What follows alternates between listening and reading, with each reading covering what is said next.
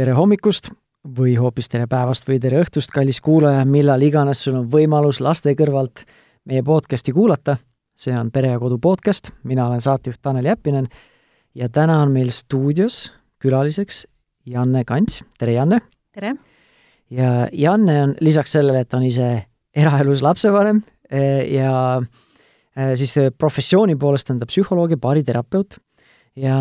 nagu meil varasemalt on olnud ühed, üks populaarsemaid teemasid, see paarisuhte teema, siis täna me tuleme ikka ja jälle selle juurde tagasi, aga natukene võib-olla teises võtmes. me täna vaatleme siis, äh, kuidas taastada suhet, miks suhted üldse kriisi lähevad, kuidas natukene võib-olla ka, kuidas seda vältida, aga esialgne teemapüstitus on selline, et kuidas siis selle kriisi järgselt talitada või kuidas taastada sellest suhet. Äh, aga eks vaatab, kuhu me välja jõuame, see on esialgne teemapüstitus. Äh, Janne, tahad sa alguses võib-olla selle enesetutvustust täiendada või sai kõik oluline ära öeldud, mis sinu jaoks oluline on? ma arvan, et kõik oluline sai ära öeldud, et ähm, mulle, ma olen väga tänulik, et mul on olnud nii palju põnevaid kliente, ma olen üle kümne aasta töötanud siis psühholoogina ja kõik kliendid siis õpetavad mulle ka seda, kuidas paremini tõesti inimesi aidata, mida nendes on, sest et igalühel on oma lugu ja mitte keegi pole ühesugune ja ei ole olemas ühte mingit metoodikat, mis kõigile aitab, et nad tõesti, iga inimene näitab, kuidas paremini suhtega toime tulla vastavalt sellele oma loole, nii et mul on väga hea meel olnud seda tööd nii pikalt teha. Aga sukeldume nüüd kohe sellesse põnevasse teemasse. Ehm, võib-olla alustame natukene kaugemalt või zoom ime nii-öelda korraks, korraks välja, sest äh, kui me räägime üldse lapsevanema elust, äh, siis äh, minu arust oli USA-s see Gottmani instituut, äh, kes oli uurinud, et see oli vist üle, ma ei mäleta, see oli vist kaks kolmandikku või kolm neljandikku paari suhetest, eriti just lapsevanematel, lapsevanemate seas, siis raporteerivad seda paarisuhte kvaliteedi langust esimeste aastate jooksul, kui nad lapsevanemad on ja noh, paratamatu on see, et väga palju suhteid selles lapse väike, väikelapse eas lähevad lahku või lähevad katki. et äh, kui me vaatame nüüd lapsevanema konteksti, siis äh, saad sa natukene siis laiendada või avada seda teemat, et miks üldse niimoodi läheb, et me oleme selles olukorras, et suhe on kriisis või nüüd oleme selle fakti eest, et suhe on lõppenud. et kuidas see sinna jõuab või mis need suhtefaasid on ja mis need põhjused seal on? Suhtes nagu üldse elus on erinevad faasid, nii nagu meil on aastaajad, nii on suhtes oma aastaajad. Need on võib-olla erineva pikkusega ja mõned tulevad võib-olla järsku, mõned ettearvatatult, aga et kui suhe algab, siis on selgelt, meil on selline ilus aeg, kus me oleme armunud ja kus kuidagi kõik on nagu iseenesestmõistetav, et et on öeldud, et äh, armumise ajal on nagu, meile antakse nagu tasuta tester, et nagu just kõik, kõik peakski nii olema ja kõik jääbki nii aga tegelikult on normaalne, et pärast seda esimest faasi äh, tuleb meie elus nagu, tulevad uued etapid, tulevad uued väljakutsed, et elus on alati väljakutsed, et kas me oleme tööl, oleme me lapsevanematena, et on mingid perioodid siis, kus kuidagi äh, sellises esimeses faasis tavaliselt äh,, kui me satume, läheme kas suhtesse või, või tuleb laps, siis ongi kõik kuidagi nii põnev, nii uus ja see, see uus annabki nii palju energiat. Ja me võime selles uues perioodis teha võib-olla vahel täitsa imesid ja kuidagi kõik läheb iseenesestmõistetavalt. aga kuna inimestel on tsüklid ja looduses on tsüklid, siis see, see tsükkel kuidagi mingil hetkel muutub. Ja võib-olla see teine faas, mis suhteetapis on, on selline stabiilsuse faas, kus asjad on paika loksunud, kus, kus me tahamegi, et asjad jääksidki nii, nagu nad on ja selles etapis nagu keskendutaksegi ähm, säilitamisele ja sellisele, et, et kõik oleks nii, nagu on ja see kuidagi tundub, et toimib. aga natukese aja pärast ka see faas kuidagi ammendub ja inimesed hakkavad siis ähm,, kuidagi see tasakaal läheb uude kohta, tasakaalupunkt hakkab otsima mingisugust teist kohta ja ja siis tulevad nagu kriisid ja see on hästi loomulik, see võib tulla lapse sünniga, see võib tulla ka ilma lapse sünnita, et äh, tahetakse jõuda uude kohta ja vot siis toimub see kriis. kas mingil määral äh, võib olla ka niimoodi, et no mina olen, nii palju kui ma olen, ma ei tea, lugenud podcast'e, kuulanud audioraamatuid, kuulanud ja enda elus kogenud seda ka, et et mingil määral me kõik, eks me, meil on erinevad natukene vajadused, aga meil on sellist kaks nagu sellist vastassuunas toimivat vajadust, et üks asi on see vajadus kindlustunde ja turvalisuse järgi, suhtes samamoodi, see emotsionaalne turvalisus, see, et lähedus, ma tean, et see inimene on minu kõrval, ma saan teda usaldada ja nii edasi, nagu järjepidevus ja kindlus, aga teisalt me ju kõik tegelikult vähemal või rohkemal määral ihkame ka seda uudsust, sellist põnevust, sellist värskust ja nii edasi, ja, ja siis nagu need nagu erinevates faasides nagu, nagu tõmbavad meid ühte või ühele või teisele poole. Mm. -hmm just täpselt nii on ja, ja samal ajal see, mis tõmbab nagu natukene eemale sellest lähedusest, on ka see, et ma tahan, ma tahan olla mina ise, et ühest küljest ma tahan sulanduda, kogeda seda ühtsust, seda imelist armastust ja teisest küljest on kuidagi hirm ennast ära kaotada. et kui ma lähen liiga sügavale sinna sisse, siis mingil hetkel tekib nagu kuidagi niisugune loomulik vajadus eralduda, sest niisugune tunne, et ma jään nagu endast ilma või oma sõpradest või oma hobidest see on hästi normaalne ja loomulik, et kui seda nagu teadvustada ja lubada sellel juhtuda, siis tegelikult äh, suhe toimib väga hästi. aga sellel ühel poolel, kes hakkab eralduma, tema võib-olla tahabki eralduda ja võib-olla ta ei taha kauaks eralduda, tal on lihtsalt vaja seda oma aega ja ruumi, siis oluline on, et teine pool teaks, mis toimub. kuna ta ei tea, mis toimub, siis temal tekib paanika. aga see on juba väga selline teine teine dünaamika, mida ma esialgu võib-olla ei arvanud, et me siia lähme, aga kui sa jagasid seda, siis aga kus see nagu, ma ei, ma ei, ma usun, et siin ei ole mingit sellist kuldset reeglit või nii on ja nii peab olema kõikide paaride jaoks, sest iga paar on erinev, suhtedünaamika on erinev, mõlemad paarilised on erinevad, on ju, kui mina või minu partner ja nii edasi, aga kust võiks selline nagu piir minna selle puhul, et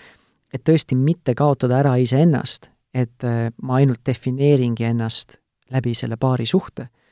ja selle, et ma olen siis tõesti pühendunud ja ma olen nagu investeeritud emotsionaalselt äh, sellesse suhtesse, et kus seal see piir läheb, et mitte seda ennast ära kaotada. mõistad, mis ma enam-vähem mõtlen või küsin või? Äh, selles osas on inimesed erinevad ja nende vajadused on erinevad, aga mis on hästi põnev, on see, et sageli satuvad kokku erineva läheduse vajadusega paarid. ja tegelikult see tundub vahel, et miks just nii ja see on nii raske, aga samal ajal ma olen pannud tähele, et see tegelikult on väga hea, et see nii on, sellepärast et siis me võime nagu õppida ja areneda. et vahel me leiamegi endale võib-olla nii-öelda raske partneri, kes kuidagi ei saa must aru ja on nii teistmoodi, aga tänu sellele, et tema on teistmoodi, saan mina avastada endas midagi uut. ja see paneb mind nagu arenema ja tegelikult suhted panevadki sageli arenema. et näiteks kui võtta, et ongi inimestel erinev lähedusvajadus, sageli see on nii, noh, osad tahavad rohkem sulanduda, koos olla, kõiki asju peab koos tegema ja mida rohkem inimene tunneb, et ta tahab koos olemist, siis seda rohkem võib-olla teine tahab eemalduda, sest ta võib tunda, et temasse klammerdutakse, see on nagu selline ahistav ja siis hakkab nagu niisugune, vot siis hakkavad need pidevad konfliktid peale. et äh, tegelikult mida siin teha saab, on see, et see pool, kes tunneb, et ta vajab rohkem lähedust, ähm, tal on nagu suurem vajadus koosolemise järgi ja tema jaoks on nagu kõige hullem tunne see, kui teine nagu läheb eemale ja ta ei saa aru, mis toimub. ja siis ta hakkab nõudma selgitusi, äh, tegelikult tal ei ole nagu alguses üldse mingit halba kavatsust, aga kui ta ei saa neid selgitusi, siis, äh, siis ta, tema sees nagu see frustratsioon kogu aeg kasvab ja kasvab ja siis ta muutubki mingil hetkel selliseks nii-öelda näägutavaks, vastikuks inimeseks, keegi ei taha selline olla, aga kuna see pinge on nii suur ja ma ei tea, mis toimub, siis ta ei tule sellega toime ja ta siis, siis hakkavadki need pidevad konfliktid peale. ja teisel poolel on siis samal ajal, kellel on siis väiksem lähedusvajadus, see tunne, et ta, ta ei tunne ennast turvaliselt ja tema jaoks on kõige olulisem just turvalisuse vajadus, et tema peab saama oma ruumi, siis, siis ei ole temal seda frustratsiooni, siis saab tema tulla ja rääkida. et äh, siin ongi just nagu see koht, kuidas ähm,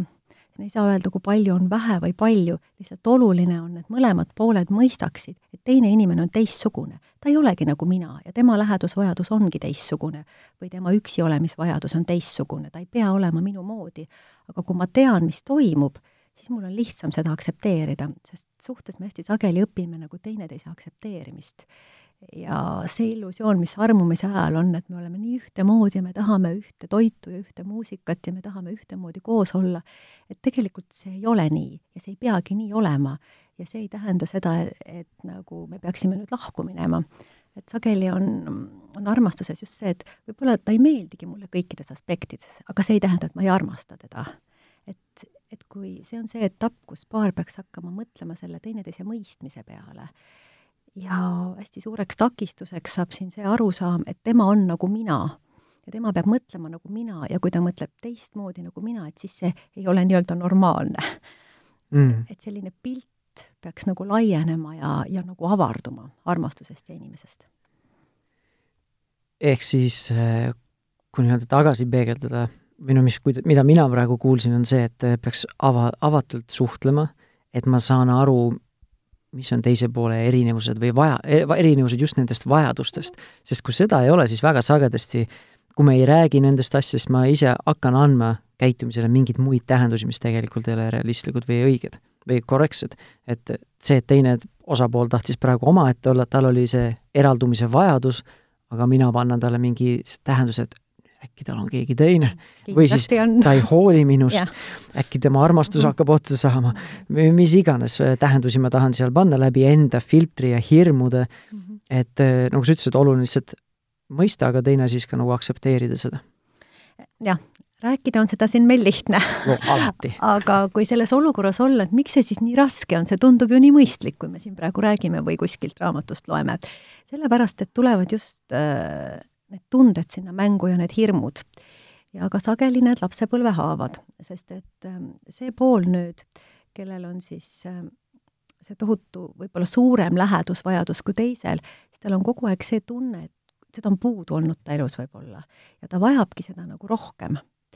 ja mingisuguseid signaale ta nagu, mitte ta ei taha tõlgendada niimoodi, aga see kuidagi tuleb tema seest ja tema nendest hirmudest ja sellises olukorras hästi sageli on väärtusetuse tunne. et kui tema läheb nii-öelda nüüd sõpradega välja, siis järelikult mina ei ole tema jaoks oluline ja mina ei ole väärtuslik. kuigi keegi, noh, et see tuleb nagu automaatselt, et inimene nüüd ei mõtle nii, aga see tuleb. et mis siis selles olukorras on, noh, loomulikult on vaja iseendasse vaadata ja selle teemaga saab tegeleda, aga tegelikult ka partnerist on siin päris palju abi, sest partner, kui ta teab, mida see teine pool vajab, tegelikult võib-olla ei vaja üldse palju, ta ei peagi jääma koju ja kätt hoidma, ta saabki minna oma sõpradega välja, aga kui ta teab, et näiteks teine pool vajab sellel hetkel tõesti seda teadmist, et sa oled mulle oluline, sa oled mulle tähtis, ma väärtustan sind ja me läheme ülehomme teatrisse ja ma tahan sinuga koos olla, et siis see, kellel on see lähedusvajadus, ta on saanud oma vajaduse kätte ja võib-olla tegelikult selleks ei olegi vaja rohkem kui need kolm lauset. ja siis on kõik rõõmsad nii et see võib olla üks sellistest äh, reaalsetest põhjustest, kui meil on väga erinevad vajadused läheduse suhtes ja sellise enda, enda aega nii-öelda, on ju. Äh, oskad sa veel öelda mingid sellised kas levinud või sagedased või peamised põhjused, olgu siis kas akadeemilisest äh, poolest või siis professionaalsest kogemusest, et mis on sellised kõige sagedasemad põhjused, mis lõpuks viivad sinnani, et kas suhe on kriisis või siis me oleme nii-öelda selle fakti ees, et mis tuleb ühele, ühele osapoole kotid kokku pakkida? jah, need erinevad vajadused on kindlasti hästi oluline, aga nagu ma ütlesin, et vajadused võivadki erinevad olla, et kui me oskame selles olla ja me võimalda, noh, me lubame endale nagu tõesti seda arengut ja avardumist, me peame tõesti nagu mingil hetkel nagu kasvama natukene teise kohta, et kui ma jään iseendasse kinni oma pilti, siis äh, ei saagi need asjad laheneda et see, kuidas inimesed räägivad ja kui palju nad teineteist mõistavad ja kuulavad päriselt, et see on nagu see, mis on kõige sagedasem tegelikult selline põhjus, mis viib kriisini. Ehm, inimesed küll räägivad kriisiolukorras, aga nad ei kuula. või siis, kui üks pool räägib, siis teine pool läheb nagu lukku ja krampi ja ei ütle mitte midagi ja ei teki nagu sellist mõistmist. ja miks ei teki? sellepärast, noh, kõik ju tahavad mõista ja kõik on lugenud ja teavad, et väga tore on rääkida ja mõista, aga aga probleem on tunnetes, sest et kui üks inimene hakkab rääkima oma probleemist, äh, siis teine pool tunneb, et teda süüdistatakse. ja kui inimene tunneb, et teda süüdistatakse kas ma tohin korraks vahele, kas see, kas me lähme lihtsalt äh, sellepärast lukku, et meil tundub teise poole see sõnastus süüdistavana või siis me kuidagi tahame tegelikult ise seda vastutust võtta, et mina nüüd vastutan oma partneri tunnete eest, isegi kui ta nüüd peegeldab seda, et näeb nii-öelda mina sõnumina või kuidagi nii-öelda ikkagi nagu neutraalselt, mitte, mitte ründavana, et näed, et et selline olukord paneb mind sellist ühte või teistmoodi tundma ja nii palju, kui ma olen näiteks ennast analüüsinud, siis näiteks võib-olla selle ja selle pärast, mis minu lapsepõlves juhtus või mingi lapsepõlvekogemuse puhul. ehk siis ma püüan seda nii neutraalselt ja mitteründavalt esitleda, aga kui see teine osapool võib-olla nagu tunnebki ikkagi vastutavana minu emotsioonide eest, minu emotsioonid on minu emotsioonid, on ju. et eh, kuidas sa ise seda hindaksid, kas me pigem nagu ei oska siis hästi nii-öelda jutumärkides hästi mitteründavalt eh, suhelda või, või on võib-olla see teine stsenaarium on ka täiesti reaalne, et me millegipärast tahame võtta vastutust oma partneri tunnete eest? tavaliselt on mõlemad ja mõlemad on veel koos ka. Et ühest küljest tõesti see tundlikkus ongi teatud teemade suhtes, mitte kõigi teemade suhtes, aga kui on minul ikkagi see valus teema, siis mingis mõttes ükskõik, kuidas ta ütleb või, või jätab ütlemata või kuidas ta vaatab, et ma kuidagi saan haiget. või võtan, noh, kas ise saan haiget või võtan tema eest vastutuse või tunnen, et justkui miski korrast on ära, et et kui on juba, tunne on juba üleval, siis kõik asjad, mida teine teeb või ei tee või kuhu ta vaatab või, või mis iganes, võib-olla vaatab korraks telefoni ja see juba tähendab, et ma ei ole oluline. et siis ma sellel hetkel, see tunne kuidagi mõjutab mind nii maailma nägema, et ma kõiki asju sõnastan nagu sellena, noh, mis see minu haav hetkel on, kui minu haav on see, et ta mind ei väärtusta, siis küll ma selle sealt üles leian, kui hästi otsida ja tavaliselt ei peagi palju otsima. et, et seal on nagu mitmed asjad koos. ja noh, jälle, mida rohkem üks läheb lukku, seda tegelikult see muster läheb siis käima ja seda rohkem hakkab teine pool ka tegelikult võib-olla juba tõesti ka süüdistama. no sealt läheb mingil määral see nagu nõiaring ka juba äh, käima mm. -hmm. aga siis minu arust tundub see väga suur selline ma ei tea, siis kitsaskoht või oskamatus on see, et kuidas me saame iseenda emotsioonidega hakkama, sest kui ma nii-öelda, nagu me ütlesime alguses ka või ennem, et et kui me nüüd praegu räägime loogiliselt, siis tundubki kõik okei okay.. aga kuidas ma suudan ennast reguleerida, kui ma tunnen neid suuri tundeid, kui ma tunnen, kuidas rind keres või kõhus nagu tõesti pulbitseb, et ma, olgu see armukadedus, olgu see üksildus, olgu see hirm, olgu see viha, mis iganes, et kuidas suuta siis jääda selliseks, ma tõesti suudan seda verbaliseerida, et ma tunnen praegu ennast väärtusetuna, sest sa ei vaat-, noh, sa ei vaata mulle silma, sa te-, kõik asjad on tähtsamad praegu kui mina, kui ma olen sinu juures, sinu ees praegu nii haavatav, et siis selle asemel, et ma seda ütleksin, siis enamasti emotsioonide virvaris ma hakkan ise hoopis paugutama ja ründama ja mis iganes. et mingeid muid, nagu mingil määral nagu paiskan ise veel rohkem müra siia suhtlusse, kui tegelikult jään ise hästi selgeks sellega, mis minu hinges toimub see on väga hea küsimus, oleks sellele üks hea vastus. et ma arvan, et see on nagu midagi, mida me tegelikult õpime kogu elu. et siin on nagu kaks asja, üks asi on tõesti see, et mina võtan vastutuse iseenda tunde eest ja, ja tegelen oma tundega. Ja võib-olla vahepeal see tunne on tõesti nagu nii tugev, et kui ma nüüd hakkan rääkima, siis tegelikult võibki asi hullemaks minna, sest et kui tunne on nagu väga intensiivne, siis sellel hetkel ei ole võimalik inimesel nagu analüüsida, aru saada, mõista, näha suuremat pilti, sest meie aju sellel hetkel ei võimalda, kuna meie aju tegelikult sellel hetkel tegeleb nende tunnete töötlemisega ja meie otsmikusagar, mis tegeleb nagu mõistmise ja analüüsiga, ongi natukene hetkel puhkerežiimis ehk annab oma energia siis tunnetele. et võib-olla mõnel hetkel ongi mõistlik öelda korraks stopp, et me räägime sellest, aga mitte, et me räägime sellest kunagi siis ehk siis see tähendab mitte kunagi, vaid me räägime sellest poole tunni pärast või me räägime sellest kolme tunni pärast, et ma lähen teen ühe väikse tiiru, tulen tagasi ja kui ma olen juba rahunenud, siis tegelikult on võimalik ennast paremini juhtida, emotsionaalses seisundis ongi ennast väga raske juhtida, et me vahest nõuame enda käest nagu ka liiga palju, et kui mul on väga tugev tunne, et siis ma peaksin suutma mõistlikku juttu rääkida, tegelikult ei suudagi võib-olla. aga, aga samal ajal jälle, see ongi see vastutus, et ma tunnen ennast, ma tean, et okei okay,, mul on praegu see tunne, et äh, ma vajan oma aega või ma vajan seda rääkimist, et ma võtan vastutuse, ma sõnastan selle ja mõlemad asjad on olulised et kui ma näen tõesti, et ma võib-olla kipun olema kas, ma ei tea, liiga armukade või liiga nõudlik või, või liiga palju eralduma, mis iganes, et see on see minu teema, et siis kõiki asju ei saa ka läbi paarisuhte lahendada, siis ma peangi selle eest ise vastutuse võtma, endasse vaatama ja selle teemaga tegelema. Kõikide asjade eest ei saa ka nõuda, et partner võtaks nagu vastutuse, et kui minul on armukadeduse teema, et siis temal on nagu vot ette nähtud selline trajektoor, kus ta tohib liikuda. et see tegelikult ei lahenda olukorda ja teine asi on alati paralleelselt see, et me saame koos kasvada ja kui minul on see probleem, et siis ma tõesti sõnastan oma probleemi ja ütlen, et, et mul on praegu see olukord ja, ja võib-olla ma praegu olen sinu suhtes ülekohtune või ma ei saa sinust aru, aga aga see on see, kuidas mulle tundub. ja, ja mina vajan praegu sinu abi selles. et see on, noh, just see on nagu see mina sõnum, aga mm, mis on tähtis, on, on jõuda nagu sellele mõistmisele ja väga sageli on see, kui teine pool siis jälle hakkab midagi ütlema, siis et, et hakkab väga sageli selline õigustamine, aga ma arvasin ju nii ja sa arvasid nii, et ähm, imago suhteteraapias on hästi hea nagu see reegel, et jagatakse ära, kes parasjagu räägib ja kes on kuulaja. ja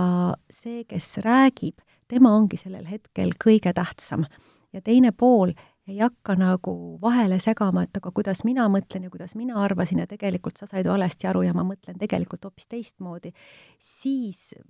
ei ole teisel poolel mõistmist. et, et üks pool räägib nii kaua, kuni ta tegelikult kogeb, et teda nagu mõistetakse ja siis on teise poole kord rääkida oma arvamust. siis saab sellest kohast üle, muidu need probleemid jäävadki ketrama, kui on ainult kaks rääkijat. ja ehk siis paljuski taandub ikkagi sellesse enesejuhtimisoskustesse et äh, nagu sa en-, natuke selle vastuse esimeses pooles ütlesid ka, et et kui me oleme ikkagi väga emotsiooni meelevallas, siis me ei tee õigeid valikuid ja keegi ei tee, see ei ole sellepärast, et ma olen, ma ei ole, et ma olen võimetu inimene, vaid lihtsalt minu aju ongi selles võitle või põgene režiimil praegu ja kõik need ressursid ongi mobiliseeritud praegu ohu elimineerimisele, mis võib-olla antud hetkel aju näeb nagu minu partnerit selle ohuallikana, et siis tõmbagi korraks pidurit anna ruumi, et need emotsioonid läbi lasta ja, ja siis nii-öelda natukene nii-öelda jutumärkides kainema mõistusega või ajuga siis tagasi tulla sellesama teema juurde. jah, aga siin on üks nüanss, et kui me ütlesime, et siis osad inimesed on need, kes tegelikult võib-olla vajavadki seda iseendaga olemise aega, nad rahunevad maha ja siis nad saavad palju paremini asju näha. siis teised inimesed, need, kellel on see suurem lähedusvajadus, tegelikult neil on raskem üksinda maha rahuneda ja nemad vajavad seda, et keegi neid nagu kuulaks, et äh, nad rahunevad maha siis, kui nad saavad nagu rääkida. ja nende jaoks see üksi olemise aeg on tegelikult võib-olla veel hullem piin. et kui teine läheb siis ära, siis ta hakkab sellel hetkel mõtlema mida iganes välja ja siis on juba noh, selge, et nüüd on nagu kõik läbi ja nüüd on kõik lõpp. et ähm, inimesed on erinevad ja mingid meetodid toimivad nagu erineval viisil et see pool, äh, kes rahuneb maha pigem siis, kui ta saab jagada, võib-olla talle ongi nagu oluline, et ta vähemasti saaks teada, millal ta saab siis rääkida. et talle on vaja nagu informatsiooni, et praegu on nii, praegu ma vajan seda aega ja me kindlasti räägime ja me räägime siis vot täpselt see kell või see aeg. ja tema jõuab nagu kuidagi paremini selle rahuni, kui ta on saanud rääkida aga tema, tema noh, õppimiskoht on loomulikult ka see, kuidas üksinda selleni jõuda, sest muidu jääbki kogu aeg selline teise külge klammerdumine, et mõlemal on nagu oma õppimiskoht. see, kes vajab siis rohkem teist inimest, peab õppima nagu sellist iseseisvust ja iseenda sees kogu selle asja reflekteerimist ja võib-olla see, kes mm, nii-öelda paneb ukse kinni ja tahab korraks nii-öelda ära minna, siis võib-olla ta kasutab seda ka liiga sageli, et põgeneda sellest. tema õppimiskoht on just see, kuidas paigale jääda ja asjad saavad tegelikult hakata toimima ja minema siis järgmisesse lähedusfaasi siis, kui mõlemad teevad seda, mis neil on tegelikult keeruline. kui see, kes tahab ära minna, ütleb, okei okay,, mul on raske, aga ma jään paigale, võib-olla ma ei suuda midagi rääkida praegu, aga ma suudan sind kuulata vähemalt. Ja see, kes tahab kogu aeg nagu tuleb, ütleb, et räägime, räägime, räägime, et tema peaks mingil hetkel tõesti proovimagi panna suu kinni, mis on väga keeruline mingitel hetkedel, ja lihtsalt olema nagu kohal ja andma seda ruumi. ja kui mõlemad nagu nii-öelda võtavad oma selle õppetunni vastu, siis tegelikult noh, nagu toimub selline huvitav nagu terviklikuks muutumine mõlemal poolel. mõlemad laienevad ja õpivad endas tundma seda teist poolt. Ja nad arenevad ka isiksustena ja neid samu oskusi saab pärast siis kasutada tööl või kus iganes mujal kohas. ja ma siin natukene naersin, muigasin, sest konfliktiolukorras mul endal on kindlasti väga keeruline vait olla, noh. on, on. ja siis mul on, no eks ma olen natukene endaga töötama, nagu ise olen aru saanud, et väga sagedasti, kui ma lähen tõesti väga põlema, et siis äh, ma pean väga nagu teadlikult ennast kontrollima, sest sagedasti ma lähengi sinna seisundisse, kus on mul lihtsalt oluline võita, mitte oluline olukord ära lahendada, sest ma tahan peale jääda. ja see tuleb noh, enda lapsepõlvest küll, vennaga, kaksikvennaga koos kasvades kogu aeg või nii-öelda rivaalitsemisest ja nii edasi selle kohta võiks öelda, et siis oled valinud õige partneri, sellepärast et see partner toobki tavaliselt välja meis just need kohad, mis tegelikult tahavad meie sees kuidagi areneda. et kohati tundub, et meie sees on nagu justkui keegi teine, kes tõmbab meie ellu nii-öelda raskeid olukordi puhtalt sellepärast, et need on need kohad, mis tegelikult nagu kuidagi tahavad areneda. ebamugav on küll, aga tegelikult kuskil meie sees on teadmine selle koha pealt, et kui ma selles osas arenen, siis ma olen inimesena tegelikult igas, igal alal edukam ja õnnelikum ja parem, et et see on nii tore, et sellised konfliktid meie elus on, sest muidu me ei areneks ja arenemine on ju tore. ja mulle meeldis ühe sulle eelmise vastuse juures ka, et kui äh, ühel osapoolel on mingid sellised tundlikud kohad, mis ikka ja jälle pead tõstavad, et siis sellega tuleb ise tegeleda, et see ei ole nüüd partneri süü, et minul on kogu aeg näiteks noh, näide, näiteks mingi armukadedushood või mingid muud, sest see on minu enda sees mingi tundlik koht. ja nii mõnigi kord meil nagu tekib võib-olla mingi väär arusaam või selline kujutelm, et võib-olla see suhe ongi nagu mõttetu ja nüüd ma lähen edasi ja leian parema partneri, sest ma ei pea sellega kunagi tegelema. aga samas nüüd, kui statistikat vaadata, ma tean vähemalt USA-s, on see, et teistkordset ja kolmandate kord, kolmandat korda abielude lahutusprotsendid on isegi suuremad kui esimest korda, et siis tegelikult sellest võiks aimata, mida nii mõnedki minu enda isiklikud tuttavad, kes on kaks-kolm korda abielus olnud, on ka kinnitanud seda, et need probleemid ikkagi lõpuks tulevad uuesti välja, sest võib-olla alguses neid enam ei tule ja siis arvadki, et ju siis oli partneris asi, aga need probleemid tulevad ikkagi kaasa. et kui me nüüd tuleme et see on nagu selge, et me peame ise nendega tegelema, aga kui me nüüd tuleme selle esialgse teema püstituse juurde nüüd tagasi, et kui see suhe on nüüd kriisis ja, ja võib-olla ühel poolel on natukene suurem motivatsioon seda suhet tegelikult päästa või taastada äh,, siis seal tuleks ilmselt ka vist motiividest, motiive ise kontrollida, miks, et kas mul on lihtsalt hirm kaotada, kas mingit turvalisust või mida iganes, ja võib-olla äh, võib-olla isegi lähen tagasi suhtesse, mis võib-olla oligi toksiline. et ma lihtsalt kardan seda ebakindlust. ma mäletan,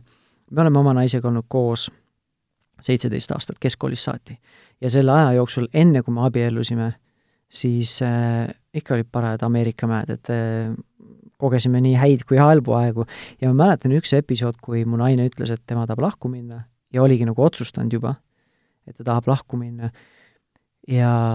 me lõpuks nagu käisime teraapias, muutsin mina natukene iseennast, sest tagantjärele ma olingi jätnud tema tahaplaanile, ta ei saanud mingeid enda põhivahetusigi siit suhtest kätte. aga ma mäletan tagasi vaadates nüüd, need esmased emotsioonid ei olnud see, et ma tahan seda suhet päästa, vaid esmane emotsioon oligi see, et kuidas keegi nüüd mind maha jätab, et selline nagu, rohkem nagu see löök ego pihta, kui see, et ma tahan seda suhet taastada. loomulikult, kui ma sealt läbi nagu töötasin, siis ma jõudsin sellele ka, et ma tegelikult tahan seda suhet ka taastada, aga selline esmane emotsioon oli tegelikult isegi väga nagu isekas või hirmutanud, et nagu ainult sellepärast nüüd suhet taastada, et ma tahan oma ego päästa, et see ei ole ka nagu päris õige, et, et milline suhe, mis on need kriteeriumid üldse, kuhu ma tahtsin selle pika sissejuhatusega jõuda, et mis motiividel või mil, millistel põhjustel on üldse mõtet seda suhet taastada ja millistel võib-olla võtta siis see teine otsus vastu, et tegelikult ise edasi liikuda? nagu praegu selles jutus välja tuligi, et inimeses ei ole kunagi ühte asja, inimene ei ole nii lihtne. inimeses on kõik need asjad koos ja loomulikult, kui inimene saab haiget, siis kõigepealt tulebki see ego esile ja võib-olla tekib isegi kättemaksu mõte, võib-olla tekib see mõte, et aga ma talle näitan, ma saan ta kätte ja siis ma jätan ta uuesti maha. ja see on ka normaalne ja see käib ka läbi, aga see ei tähenda, et inimeses on ainult see. et tegelikult selle taga, nagu tuli ka sellest jutust välja, on võib-olla see tõesti see päris, see tahtmine ja tunne ja armastus. et meis kõigis on tavaliselt need erinevad motiivid koos võib-olla mingeid motiive on rohkem, mingeid motiive on vähem. ma ei ole näinud sellist inimest, kellel oleks tavaliselt ainult üks asi, et mida rohkem nagu küsida ja kaevata, siis tegelikult sealt tulevad need teised asjad ka välja. et selle järgi kindlasti praegu ei saa valida, öelda, et vot, kas mul on ainult need motiivid.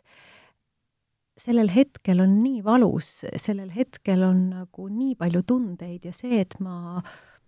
tajun seda egoistlikku tunnet, see on täiesti normaalne. aga see ei välista seda, et seal ei oleks nagu seda päris armastust ja tahtmist. ja inimene on sellel hetkel ka segaduses ja saada aru, et kas see või teine, tavaliselt on see ja teine õige vastus, kui on selline küsimus. Et äh, kui on ikkagi see tahtmine olemas ühel poolel, siis äh,,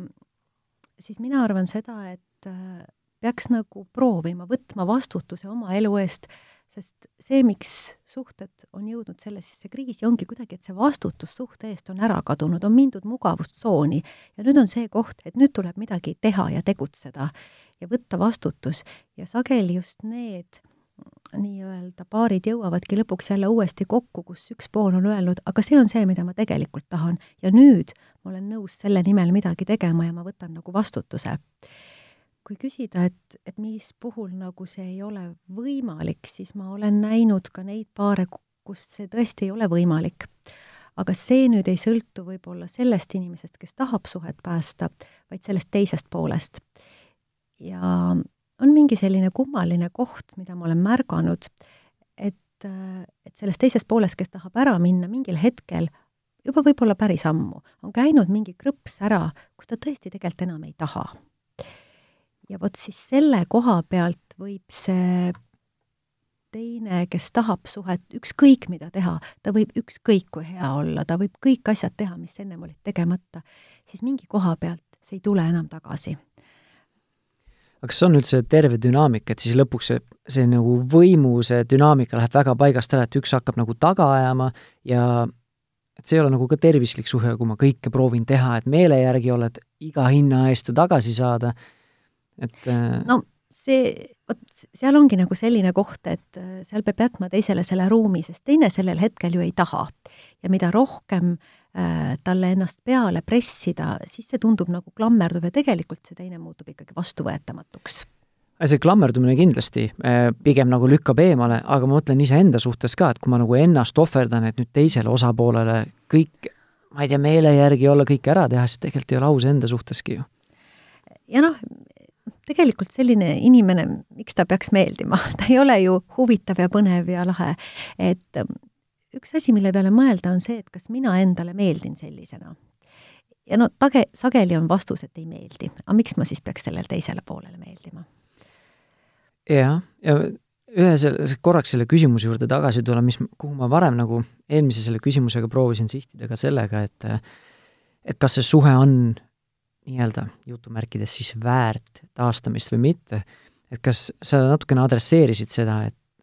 et siis tuleks enne see ise otsus vastu võtta, kas ma ise olen valmis muutuma, sest kui me lihtsalt otsustame, et jah, ma tahan ta-, taastada, võib-olla mõlemal pool on see motivatsioon olemas, aga siis ma eeldan või mingid, ma ei tea, mis mõttemustrid selle taga olla, et nüüd, kui me otsustasime, ütleme teineteisele uuesti jah, et nüüd siis kõik on korras. aga need mõtte- ja käitumismustrid, kui jäävad samaks, siis ega see suhe nagu paremaks ilmselgelt ei, ei saa, et me peame ise mõlemad siis töötama võib-olla iseendaga, aga ka, ka paarisuhtega, et siis see tulemus oleks teine ju. see on, see on hästi oluline küsimus, kas mina olen valmis muutuma? et see on kõige tähtsam küsimus. ka siis, kui teine ei muutu, sest võib-olla teine ei tahagi muutuda. sellel hetkel, kui mina tahan temaga koos olla ja tema ei taha, siis kui mina olen otsustanud, et mina tahan muutuda ja mina tahan teda tagasi, eh, see on min-, nii-öelda minu projekt siis mina pean olema valmis muutuma isegi siis, kui tema ei muutu, kui mina olen nii valinud. aga mis, mis teeb selle asja nagu keeruliseks, on see, et, et see tahtmine teist tagasi saada muutub nagu kuidagi kinnisideeks. ja, ja sellel hetkel inimene kuidagi kaotab iseennast ära. ja see kinnisidee võtab ta nagu üle ja ta tõesti ei ole enam ena-, enam kuidagi nagu endaga kontaktis ja see, milliseks ta muutub, see kuidagi ei, ei ole tõesti teisele poolele ahvatlev ja seal tekibki niisugune klammerdumine ja kui ta ei saa seda, mida ta tahab, siis ta tegelikult võib-olla vihastab, siis ta sees on nagu see valu, et ähm, hästi oluline on enda jaoks nagu kuidagi kogu selles protsessis, kui ma teen midagi selleks, et seda suhet taastada, leida see aeg ja ruum, kus minul on endaga hea. et tegelikult ma pean leidma nagu selle kontakti iseendaga, sest muidu selles hetkes kui ainult teine inimene on mul sihiks, siis sageli need asjad ei, ei hakka toimima. sest ma saan hästi sageli sealt kogu aeg seda negatiivset tagasisidet. sest teine tegelikult on öelnud ju, et ta ei taha. et mul peab olema see koht, kus mina saan iseenda käest sellist, seda head kontakti, kus ma saan positiivset tagasisidet, kus mu elus on midagi muud veel kui ainult selle suhte päästmine see kuidagi aitab, et ma võtangi enda eest vastutuse oma tunnete eest, et ühest küljest ma tõesti olen valmis muutuma, aga teisest küljest ma aktsepteerin seda, et teine vajab oma aega, ruumi ja piire.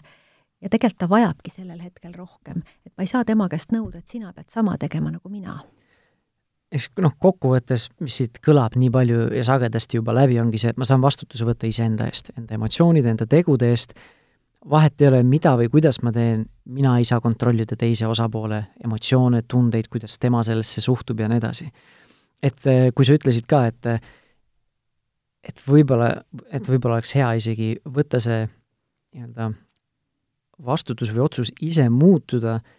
ilma eelduseta, et sellega nüüd teine peab samamoodi vastama, sest muidu läheb juba võrdlemiseks, näed, mina olen nüüd nii palju muutunud, sina nüüd ei ole, et miks sina ei pinguta ja see nagu on samamoodi nii-öelda nagu pingeallikas. et mingil määral isegi selline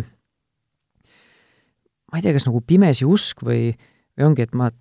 olen valmis ise muutuma, olenemata sellest, kas teine osapool tuleb sellega kaasa või mitte, sest see on ainuke asi, mida mina ise saan kontrollida iseennast. ma ei saa kontrollida teda, tema suhtumisi, tema emotsioone ja nii edasi. Eriti veel selles situatsioonis, kui teine on öelnud, et ma ei taha seda suhet enam ja mina ei muutu nagunii ja mina olen valmis ära minema, siis sellel hetkel kindlasti ei saa hakata nõudma, et teine muutuks. et see on nagu nii-öelda minu soov ja minu tahe ja võib-olla ta on sellel hetkel ühepoolne, aga see on ikkagi minu elu ja kui mina seda tahan, siis, äh, siis ma liigun selle poole, et see on nagu hästi oluline. ja võib-olla teine tuleb sinna ja võib-olla ei tule. et see on, see on hästi raske hetk, et siis peab nagu kuidagi väga palju leidma iseendas seda jõudu. aga noh, jälle, kui midagi on mu elus tähtis, siis tegelikult ma tahan selle nimel võidelda. on see suhe, on see laps, on see töö, on see spordisaavutus ja see ongi minu eesmärk mingil hetkel. ja, ja ma peangi seda nii võtma kui ma mäletan enda seda perioodi, kui meil naisega selline olukord oli, kui naine ütles, et tema tahab lahku minna, siis äh, enne, kui me baariteraapiasse lõpuks jõudsime, siis äh, mina läksin ise individuaalteraapiasse. üks asi oli siis loomulikult esimene motivatsioon seal taga oli see, et nagu aru saada üldse, mis toimub, võib-olla sellest südamevalust nii-öelda lahti saada, aga mingil hetkel mul endal käis nagu väikene nagu krõks ära, et et selle motivatsiooniks või eesmärgiks oligi see, et iseennast korda saada. Ja üks minu mentoritest, ma olen ise eh, Ameerikast, Ameerika tööandjale pikka aega töötanud ja siis ingliskeelses nii-öelda keskkonnas tunnen, tunnen ennast väga mugavalt, et ma olin pikka aega ühes meestele suunatud nii-öelda mastermind'is, et kuidas lihtsalt olla nii-öelda parim versioon iseendast mehena, abikaasana, isana ja nii edasi, et siis selle, seal üks mentoritest jagas enda kogemust samamoodi, kui äh, naine viskas ta kodust välja, neil olid lapsed juba, ja meil sel hetkel lapsi ei olnud, kui meil see olukord oli. Ja siis, kui ta sõitis ühest osariigist teise ja siis selle sõidu ajal tegi see otsuse, et vahet ei ole, kas naine tuleb tagasi või mitte, et ma hakkan iseendaga tööd tegema, et olla ise lihtsalt parem versioon iseendast, sest kui ma vaatan endale peeglisse otsa, siis tegelikult ma iseendale ka nii, nii väga ei meeldi, sest ma olen selle eluvaldkonna võib-olla soiku jätnud, suhted olen soiku jätnud ja nii edasi, et nii-öelda läkski tööd tegema lihtsalt iseendaga, enesearenguga mitte ainult sellepärast, et naine tagasi võita, aga lihtsalt, et olla ise parim versioon iseendast. Ja kui ma nüüd keeraksin selle olukorra teistpidi, et kui me naisega oleksime lahku läinud või noh, ole, oleksime lahus ja ma näen, et naine tõesti hoolitseb iseenda eest äh,, nii-öelda tegutseb iseendaga, ta on enesekindel äh,, käib väljas, nii-öelda see nagu energiast pakatu, see on juba iseenesest tegelikult mehena atraktiivne. ja, ja see nagu ma näen küll, et see võiks nagu mitte raudpolt igal ühel igas suhtes kogu aeg töötada, aga minu puhul, kui ma näen oma naist sellisena, kes on enesekindel, kes on energiast pakatuv, see on atraktiivne. ja see nagu tõmbab nii-öelda tagasi, selle asemel, et olla, nagu sa ütlesid, klammerduv, nii-öelda teha iseendaga tööd, et ma oleksin ise siis selline, kes nagu tõmbab seda tähelepanu. Äh, see oli minu monoloogi osa aga äh, on sul endal mingeid kommentaare, sa oled sa ise midagi sellist näinud, tahad sa midagi täiendada või? et see küsimus, et aga mis siis teha või kuidas alustada, et kui mul on tõesti see tunne, et nüüd ta juba pakib oma kohvreid ja hakkab minema, et mida ma siis võiksin teha. et sellel hetkel, mis inimeses tekib see küsimus, et, et miks see niimoodi juhtus või mida ma olen valesti teinud või mida tema on valesti teinud või mida, miks niimoodi läks. Et see on see küsimus ja selle küsimusega on natukene see trikk, et see on iseenesest hea küsimus, aga et see küsimus võib viia meid üsna valesse kohta. et selle küsimus võib viia süüdistuseni. et kas mina olen midagi valesti teinud või tema on midagi valesti teinud või, või keegi muu on midagi valesti teinud. ja sel juhul see küsimus tegelikult on pigem see, mis ei aita edasi minna ja vot see on see koht, kuhu inimesed hästi sageli kukuvad, sellesse süüdistamisse ja ma olen ise ka märganud, et miks küsimused sagedasti ei taha seda miks'i teada, vaid pigem ongi sellised süüdistavad, kas enesesüüdistavad, teisele poole eh, süüdistavad, et aga ilma selle küsimuseta tegelikult edasi ei saa. sest ma peaksin selleks, et teha nii-öelda hea plaan, kuidas midagi saavutada, pean ma aru saama, et mida siis teha teisiti. ja ma pean aru saama, et millised teise poole vajadused olid tegelikult rahuldamata vahet ei ole, kelle süü tõttu, võib-olla me mõlemad ei osanud, et sellest süüdst tuleb nagu eemale vaadata ja niikaua, kui inimene on süüdistuses kinni, ta ei näe seda pilti ja ta ei oska siis ka tegelikult oma tegevusi planeerida, et mida ma siis pean tegelikult teisiti tegema. reaalselt oligi, tal oligi millestki puudus ja tal olidki mingid vajadused rahuldamata, midagi oligi valesti, ega see ei tähenda, et keegi süüdi on. et sellele on vaja nagu ausalt ja julgelt otsa vaadata, jah, ma tegingi midagi valesti ja mis siis, ma lähen nüüd edasi, ma ei saa jääda sellesse auku nagu kinni. et see julgus endale otsa vaadata ja näha seda valusat pilti, mitte süüdistades ennast, mitte andes hinnanguid, on hästi oluline koht, muidu ei saa sellest kohast edasi. jah, see läks valesti, tal oli see rahuldamata, nüüd ma tean, et ta vajas võib-olla rohkem tähelepanu, turvatunnet, mis iganes, teatris käimist, need on need kolm või neli asja, mida temal vaja oli. sest sa, muidu on see, et inimene, kes ütleb, et ma tahan teda tagasi, ta ei oska nagu midagi muuta, ta hakkab tegema neid asju, milles tema on hea või mis talle meeldivad. aga tegelikult ta ei küsi seda, et milles sel partneril siis puudus oli. et see on väga oluline aru saada, et mis on siis need asjad, mida ma siis nüüd tegema pean ja sageli on see koht, kus tulebki võib-olla ennast natukene muuta, sest võib-olla need ei olegi need asjad, mida ma loomulikul viisil teeksin no võib-olla ei olegi, nojah, enda, enda olukorda vaadates, et ei, see ei nõuagi mõnikord selliseid elu muutvaid otsuseid, et ma pean tõesti muutma enda isiksustüüpi või midagi, aga lihtsalt see, et mida ma märkan, tähelepanu äh, ja nii edasi, millele ma ise keskendunud olen. et kas, äh, kui ma, keegi oleks minu elus küsinud, mis on sinu prioriteedid, siis ikka oleks, no suhe on äh, meie pere või mis iganes on oluline, aga kui tegelikult teod kõnet, kõnelevad hoopis teist lugu, siis seal on suur konflikt. et ma ütlen sõnadega ühte, aga teod näitavad teist, on ju. ja selle süüdistamisega, et ma nõustun, et süüdistamine ei vii kuskile, ei enesesüüdistamine ega ka partneri süüdistamine, sest noh, me oleme varasematest saadetest rääkinud küll siin eh, petmistest ja muudest äh, teemadest, siis noh, lõppkokkuvõttes suhtedünaamikas ma ei tea, kas saab öelda üldse kunagi, et ainult üks pool on süüdi, et alati on seal mingid muud mustrid ka, kus mingi, mingi osakaal on mõlemal osapoolel. ei saa öelda fifty-fifty on ju pooleks, aga mingi vastutus peaks nagu mõlemal olema. aga selle süüdistamisega ilmselt ongi see võtmekoht, et, et ei ennast ega teist poolt pole mõtet süüdistada, aga see vastutuse koht, et sa ei saa olla päris nagu teises äärmuses ka, et oled üldse nagu, et mina ei tea midagi, mina ei ole midagi, milleski süüdi, ainult sina oled, no siis läheb juba jälle süüdistamisse, et süüdistamise puhul on see, et süüdistamine võtab ära nagu kuidagi selle, et ma hakkan tegutsema, vaid, vaid see ongi nagu see hinnangu andmine ja karistamine.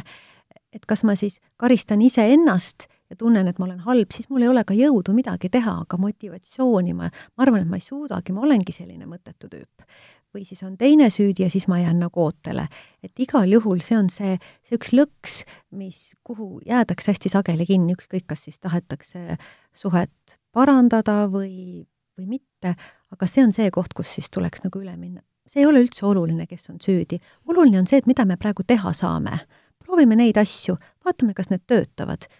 et see on nagu oluline ja võib-olla ei tööta, et vahel ongi see, et noh, sellel hetkel, kui inimene hakkab nagu proovima suhet muuta, siis ta tahab nagu mingit garantiid. tegelikult ei ole mingit garantiid. et aga see on nagu see tunne, et seal võiks olla nagu selline uudishimu, mis paneb kogu selle asja liikuma. aga ma proovin ja ma vaatan, mis saab.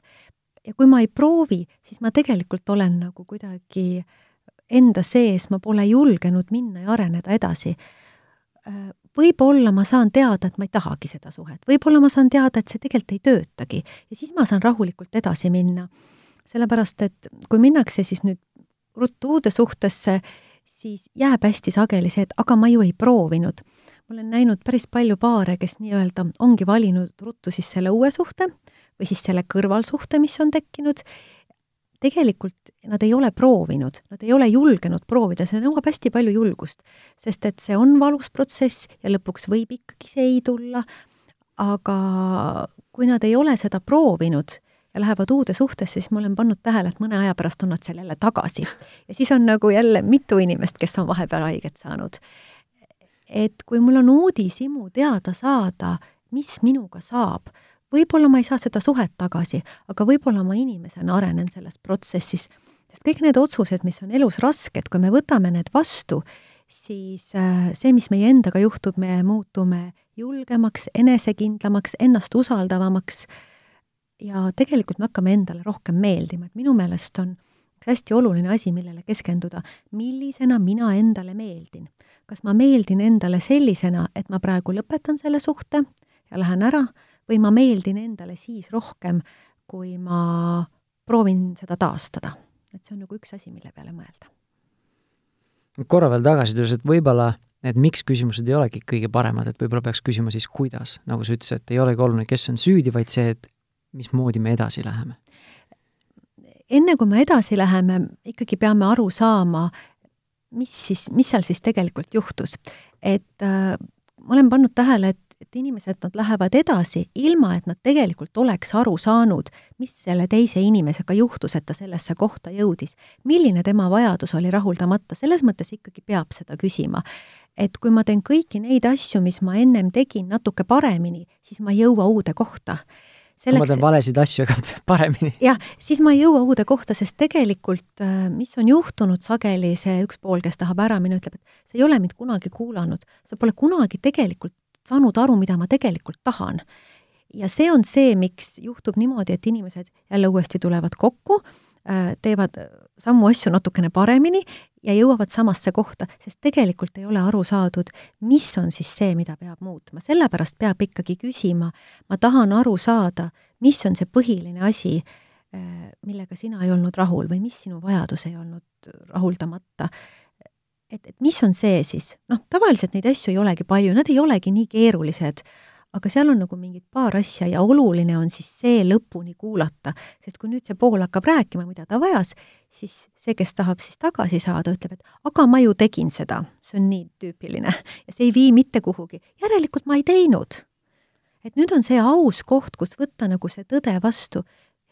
et midagi, midagi praegu ma tegin sellist, mis viis tema sellesse kohta, kus ta tahab ära minna ja siis, kui ma saan teada, mida ta minult ootab, siis ma võin tõesti otsustada, et võib-olla mul tõesti ei ole seda. võib-olla ta vajab minu käest seda, sellist lähedust, mida ma ei suuda talle iial anda. ja siis ma saangi öelda, et kahjuks mul seda ei ole. ja siis on jälle lihtsam nagu lahku minna. oluline, et see lahkuminek tuleks sellisest nagu selgest kohast. jah, ma saan aru, see on see, mida sa vajad, aga seda mul ei ole. siis ma saan minna ja hakata uut suhet võib-olla looma mm,. meil on märkamatult peaaegu viiskümmend minutit täis saanud. Äh, minu jaoks oli hästi selline, mina, ma tahaks öelda isegi, et eluterve selline suhtumine, et äh, julgeda teha neid, neid samme, mis iganes see sinu jaoks on, omamata isegi garantiisid, et see töötab. ja isegi, kui, äh, isegi kui see ei aita seda suhet päästa, siis šansid on päris suured, et sa oled tõenäoliselt siis see selline inimene, et sa oled endaga paremas kontaktis või sa, sa meeldid iseendale rohkem ja selle foonilt juba on võib-olla parem minna uude suhtessegi. et isegi, kui see ei aita suhet päästa, et töötada iseendaga, sest see on põhimõtteliselt ainukene osapool selles suhtes, kellega sa saad, keda sa saad muuta. et kui elu tahab, et sa sellel hetkel arened, siis sa sellest nagunii ei pääse, kas ühel, teisel või kolmandal moel. väga vahva äh,. tahad sa midagi veel lõppu lisada või sai kõik oluline öeldud? Tundub vist, et praegu sai äh,. väga selline äh, no väga, väga selline keeruline teema ja sellest ilmselt me võiksime veel edasi, edasi tuututada ja rääkida veel e-, mitmes erinevas suunas. Äh, kui kedagi see kõnetas, sest ma saan aru, et sina ise töötad baariterapeudina mm, -hmm. või kui kellelgi, kedagi see kõnetas, nad samastusid sinu mõtteviisiga ja võib-olla neil on abi vaja paarina, et kus nad sind interneti avar-, avarustes üles võiksid leida? Et minu nimi on Janne Kants, et seda guugeldades leiab mind kindlasti ülesse selge suur,, suur-suur aitäh sulle, Janne, et sa võtsid aega, et siia tulla ja oma mõtteid ja ekspertiisi jagama. aitäh! ja suur aitäh sulle ka, kallis kuulaja, et sa täna kuulasid meie saadet ja kui tänane saade läks sulle korda või oli meeltmööda, siis äh, neid paarisuhte teemasid me oleme päris sagedasti siin äh, Pere ja Kodu podcastis äh, nii-öelda lahanud ja, ja käsitlenud, nii et võid otsida meie nii-öelda saadete arhiivis, neid saateid on varasemalt meil juba salvestatud ja avalikustatud üle kuuekümne ja need sa leiad oma nutitelefoni podcasti äpist või Spotify'st ning Delfi ja Pere ja Kodu veebiväljaandest